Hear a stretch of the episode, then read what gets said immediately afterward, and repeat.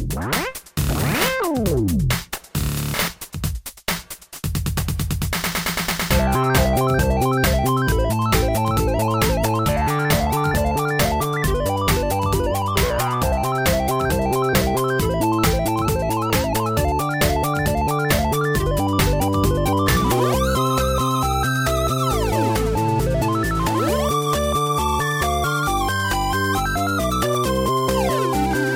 Hej och välkomna till ett nytt avsnitt av Dokument TV-spel.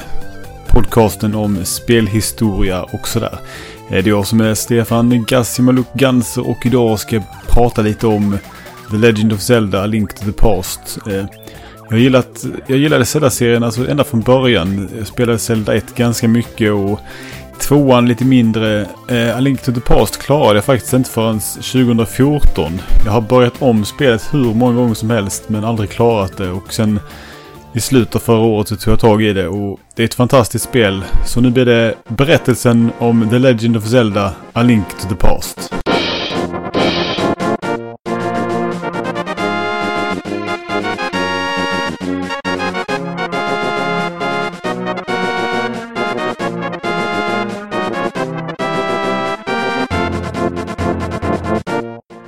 För länge sedan förseglades den onde trollkarlen Ganondorf och den heliga trekraften han stulit i den heliga världen. Detta efter att han hade störtat landet Hyrule i mörker och sedan besegrats av tidens hjälte. Tiden gick och landet Hyrule verkade nu vara i frid och ondskans makter helt försvunna. Men många kände till bannlysningen till den heliga världen, en annan dimension, och vad som förseglades där med Ganondorf. Trekraften som en gång lämnats kvar av de tre skapande gudinnorna. Din, kraftens gudinna, skapade land. Nairun, visdomens gudinna, skapade ordning.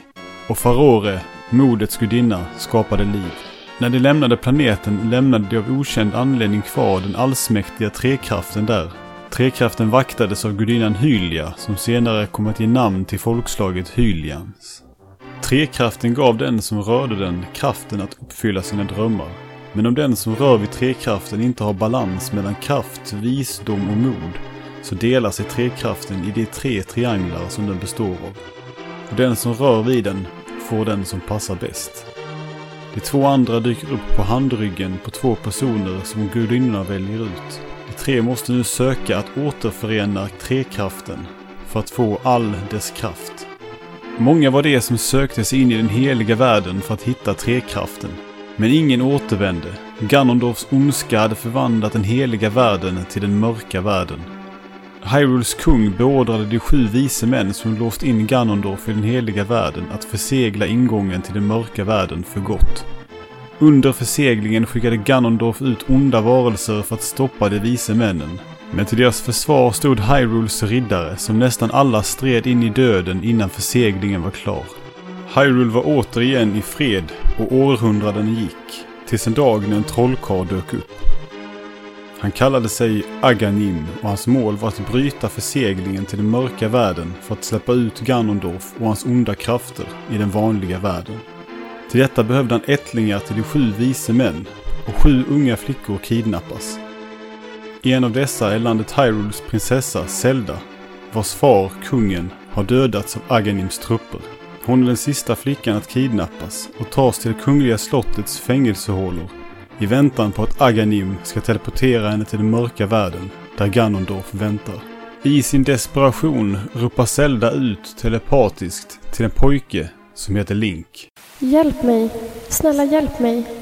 Jag är fången i slottets fängelsehåla. Mitt namn är Zelda. Trollkarlen Aganim har gjort något med de andra saknade flickorna. Då finns bara jag kvar.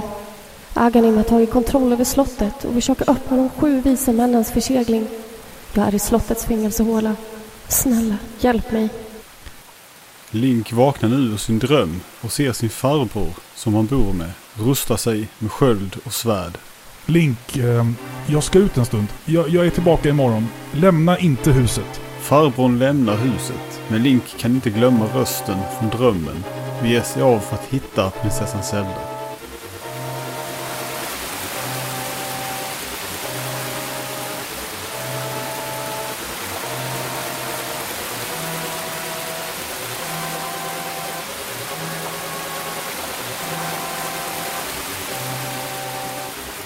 Han hittar en hemlig gång in i det kungliga slottet till sin stora förskräckelse finner han där sin farbror svårt skadad. Uh, Link, jag vill inte att du skulle bli inblandad i det här. Jag sa ju åt dig att inte lämna huset. T ta mitt svärd och min sköld och lyssna. Du kan fokusera kraft i bladet. Släpp sen ut det med tekniken som efterlämnades av vårt folk. Link, du kan göra det. Rädda prinsessan. Zelda är din din... Farbrodern dör och Link fick aldrig veta vad han skulle säga om Zelda. Han måste nu rädda prinsessan och stoppa Aghanim. Det är den grundläggande historien som leder upp till Nintendos The Legend of Zelda A Link to the Past som släpptes till Super Famicom i Japan den 21 november 1991, exakt ett år efter att Super Famicom hade släppts. Men där under titeln Seruda no Densetsu Kamigami no Trifosu, vilket kan översättas till The Legend of Zelda The Triforce of the Gods. I USA släppte man spelet den 13 april 1992 och i Europa den 24 november samma år. I Sverige såg vi spelet släppas den 24 september 1992, drygt tre månader efter att Super Nintendo hade lanserats i landet. Det finns även ett tillägg till storyn som tar vid innan spelet börjar. På det officiella soundtrack-albumet The Legend of Zelda Sound and Drama från 1993 finns en liten berättelse kallad A Prelude of Two i form av radioteater som berättar om Links och Zeldas liv innan spelet tar sin början. Link växer upp med sina föräldrar, mamma Loreta och pappa Banseta. När Ganondorfs trupper drar in över landet dödas Links mamma. Hennes make Banseta gav sig då ut för att försvara Hyrule och Trekraften. Han lämnade sin son i beskydd hos prinsessan Zeldas sköterska Egorova. Hon lovade att hon och hennes make Alfon skulle träna Link till en duglig krigare. Prinsessan Zelda sade till Link att han var hjälten som skulle rädda dem alla. Något Link inte tog på speciellt stort allvar. Hon lät honom röra vid modets trekraft efter att han hade förklarat att han alltid skulle beskydda henne, vad som än hände. Strax efter det anföll Ganondorfs trupper Hyrules slott och dödade alla, inklusive kungen. Den enda man lämnade levande var Zelda. Link och Egorova lyckades fly, men Egorova dog efter att hon hade lurat iväg Ganondorfs män. Link bodde nu ensam med sin farbror, Alfon, som lärde honom att strida. Och det här spelets historia med att Zelda talar till Link i hans dröm tar vid. Huruvida den här episoden är kanon i storyn har inte framkommit.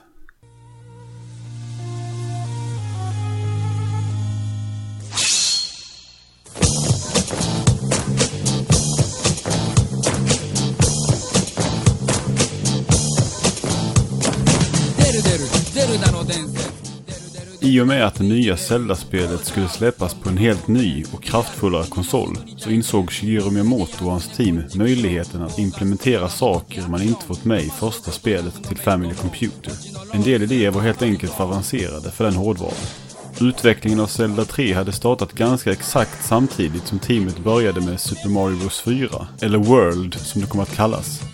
För Nintendos anställda hade Super Famicom avslöjats under 1989 och Miyamoto och hans team Nintendo Entertainment Analysis and Development, tidigare kallad Research and Development 4, hade omgående påbörjat de två projekten. Man hade räknat med att de två spelen skulle vara klara till Super Famicoms släppdag den 21 november 1991. Till slut blev bara Super Mario World klart till det utsatta datumet, medan A Link to the Past dröjde ett år till. Shigeru Miyamoto har förklarat att projektet helt enkelt blev större än man hade tänkt sig. Utvecklingsperioden blev alltså hela tre år. Första året spenderade man åt att med ett mindre team planera spelet. Efter det lades ett år på att experimentera med olika koncept och att få fram en grund för spelet. Det tredje året var då man faktiskt skapade spelet man hade planerat under två år. Det hade gått fem år sedan första The Legend of Zelda släpptes till Family Computer i det andra spelet i serien Zelda 2, Link's Adventure, hade man experimenterat med ett annat upplägg. Miyamoto har i efterhand berättat att Zelda 2 är det spel han är minst nöjd med i sin karriär. Detta trots att han bara var producent. Så i det nya Super Famicom-spelet vill han göra en utveckling av första spelet. Miyamoto säger att det första spelet släpptes i en tid där den typen av spel var något nytt. och man var nu tvungen att komma på något sätt att göra det nya spelet innovativt. Han ville inte heller att man skulle ta bort något av det gamla, som att man kunde köpa föremål, eller de pusselbaserade grottorna för den delen. Utan snarare behålla det gamla och lägga till nytt. Detta berättar han i en konversation med Dragon Quest-skaparen Yuji Horii efter att Hori hade berättat att ett spel han utvecklade innehöll ett element som ett annat spel som släpptes under utvecklingen också hade. Han tog då bort elementet för han inte längre tyckte att det skulle göra spelet unikt. Miyamoto sa då att han blev besviken när arkadspelet Ghost and Goblin släpptes och karaktären kunde tåla två träffar, vilket var en ny grej i Super Mario Bros som han utvecklade vid tiden. Men han skulle aldrig ta bort ett element för att någon annan hade gjort samma sak. Takashi Tezuka som varit med och skapat första Zelda-spelet var med i början för att hjälpa till lite med utvecklingen av A Link to the Past, men slutade upp i regissörsrollen medan Miyamoto axlade rollen som producent. A Link to the Past skulle alltså bygga vidare på originalets grundstomme, något som Miyamoto hade börjat planera innan man gjorde Zelda 2. Första spelet hade till en början varit en rad grottor som man skulle genomföra efter varandra. Men man bestämde sig för att man skulle göra en övre hubbvärld från vilken man kunde välja de olika grottorna. Till en början låg grottorna nära varandra, men man byggde ut övervärlden till ett äventyr i sig. Precis samma upplägg låg som grund för A Link to the Past. Grottorna man ritade upp tidigt under utvecklingen ändrades sedan inte nämnvärt. Men övervärlden gick igenom flera olika iterationer berättar programmerarna Toshihiko Nagako och Kazuaki Morita. Det var dock i och med det här spelet som grottor som pussel på allvarligt introducerades i serien. I första spelet fanns få delar som faktiskt kunde ses som pussel.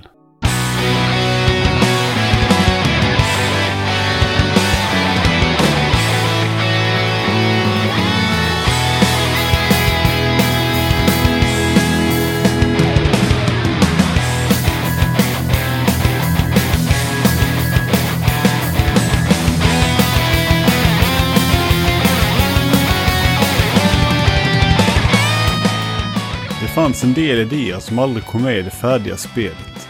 Med den nya kraften i Super Famicom ville man bland annat göra nya animationer för Link. Han skulle kunna gå och hugga diagonalt. Något som inte fungerade så bra som man hade hoppats på och idén slopades. Istället gav man Link en snurrattack som gjordes genom att hålla in B-knappen. När Link sedan laddat upp förslaget så snurrar han 360 grader med svärdet. Vilket då även träffar fienderna på diagonalen. Miyamoto och teamet hade lite svårt att bestämma sig vilka knappar som skulle göra vad. Man hade nu fyra mer knappar än Famicom-kontrollen. I spelet finns olika saker att dra i och knuffa på.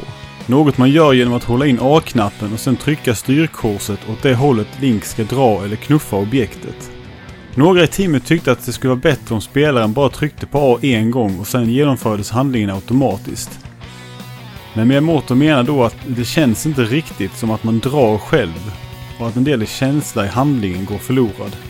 Men Miyamoto menar då att det känns inte riktigt som att man själv drar i objektet och en del känsla i handlingen går förlorad. För Miyamoto var spelets huvudtema att spelaren skulle känna att den själv gjorde allt. Ett annat koncept som aldrig kom med just på grund av att spelaren skulle känna att upplevelsen var interaktiv var olika menykommandon som dansa, äta, dra och knuffa. En del tidigare rollspel som Dragon Quest hade menykommandon för saker som att öppna en dörr eller leta efter föremål. Saker som egentligen gick att göra mycket smidigare. Vilket bevisades i Final Fantasy som inte hade den typen av kommandon. Enda fördelen med ett sådant system är att man kan ha flera handlingar att genomföra, men med reducerat flöde i spelandet. I A Link to the Pasts fall skulle det helt enkelt ha tagit bort känslan av att spelaren handfast gjorde saker själv. Man jobbade mycket med att få till den perfekta svårighetsgraden. Man ville inte ha för mycket ledtrådar. Testspelare kunde först bli frustrerade över ett pussel de inte förstod men när de väl klarade det så såg de det hela som en underhållande spelstund för att vara nöjda med att de klarat det på egen hand. Lade man till för många ledtrådar så pussen blev för lätta så tyckte testarna att det blev tråkigt. I första spelet finns hemliga rum man endast kan nå genom att spränga hål i väggar. De flesta sprängbara väggar är inte markerade på något vis, så spelaren fick testa att spränga alla väggar som kunde vara förstörbara. I grottorna har vissa väggar en spricka som markerar att den går att spränga. Det här var en idé man ville spinna vidare på. Miyamoto ville att väggarna som gick att spränga inte skulle ha någon visuell markör. Istället skulle det låta olika när man slog med svärdet på en vanlig vägg och en som gick att ta sönder. På en vanlig vägg skulle det klinga till, men ljudet från en förstörbar vägg skulle låta ihåligt. Hans idé var att det skulle ge spelaren glädjen att upptäcka dem själv. Det skulle däremot ta mycket tid att hitta alla väggar och istället för att spelaren skulle behöva spendera timmar med att stå och slå på väggar valde man att ha sprickor på väggar som gick ta sönder. Idén om att spelaren skulle göra saker på egen hand fick alltså inte gå så långt att det skulle bli långdraget att göra en sak. Två andra idéer som inte kom med på grund av tidsbrist, men som man hade kommit en bit med, var att man skulle kunna tända eld på gräs med lyktan som sen spred sig vidare till angränsande gräs. En idé som kom att användas i The Legend of Zelda Four Swords Adventures. Den andra var att man skulle kunna gräva ett dike med en spade och sen spränga en damm så att vattnet rann genom diket. Antagligen för pussel där man skulle behöva leda vatten till en viss punkt.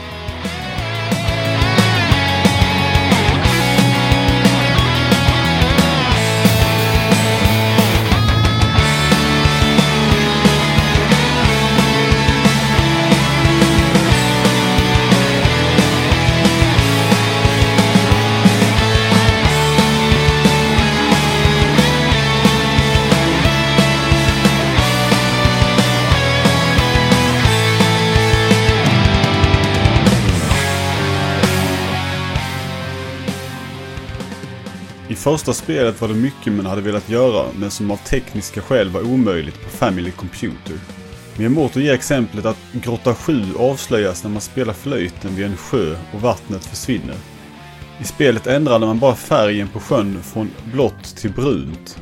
Men man hade egentligen velat att man skulle se hur vattnet sjönk undan. I A Link to the Past sänker Link vattennivån på en damm, vilket visas mer realistiskt än i första spelet. Miyamotos filosofi rörande idéer som inte går att använda av olika anledningar är att arkivera dem och se om de passar i ett annat spel senare. I en intervju berättar Takashi Tezuka och medlemmar ur teamet att de roterande eldstavarna som finns i spelets grottor inte togs ifrån Super Mario Bros. Utan att de först hade utvecklats till första Zelda-spelet men av olika anledningar inte användes. Men i A Link to the Past använde man dem för första gången i spelserien de var skapade för. En annan idé man hade till första Zelda var att använda ljuspistolen Zapper. Man visste att alla inte hade en Zapper, men hade man haft minne över hade man nog ändå lagt in en Zapper-funktion i spelet. Tidigt under utvecklingen av A Link to the Past 1989 berättar Miyamoto i samtalet med Yuji Horii att han vill ha ett sällskap i spelet. Link skulle alltså inte traska runt på egen hand utan ha två följeslagare med sig. Protagonisten, alltså Link, beskriver han som en alvkrigare Hans ena kompanjon skulle vara en magiker och den andra en tjej. Tjejen skulle vara ungefär en elva. Hennes roll skulle vara att rekognosera området och hjälpa Link på färden. Idén hade Miyamoto haft redan innan Zelda 2 gjordes. Designen för älvor i Zelda 2 var egentligen gjord för tjejkaraktären i Zelda 3, som man kallade spelet på den tiden. Funktionen att ha en elva som hjälper Link på vägen kommer senare att använda i Zelda och Arena of Time. Med de tidigare nämnda textkommandona och ett sällskap låter det som att Zelda 3 tidigt var mer tänkt som ett rollspel än ett actionbaserat äventyr.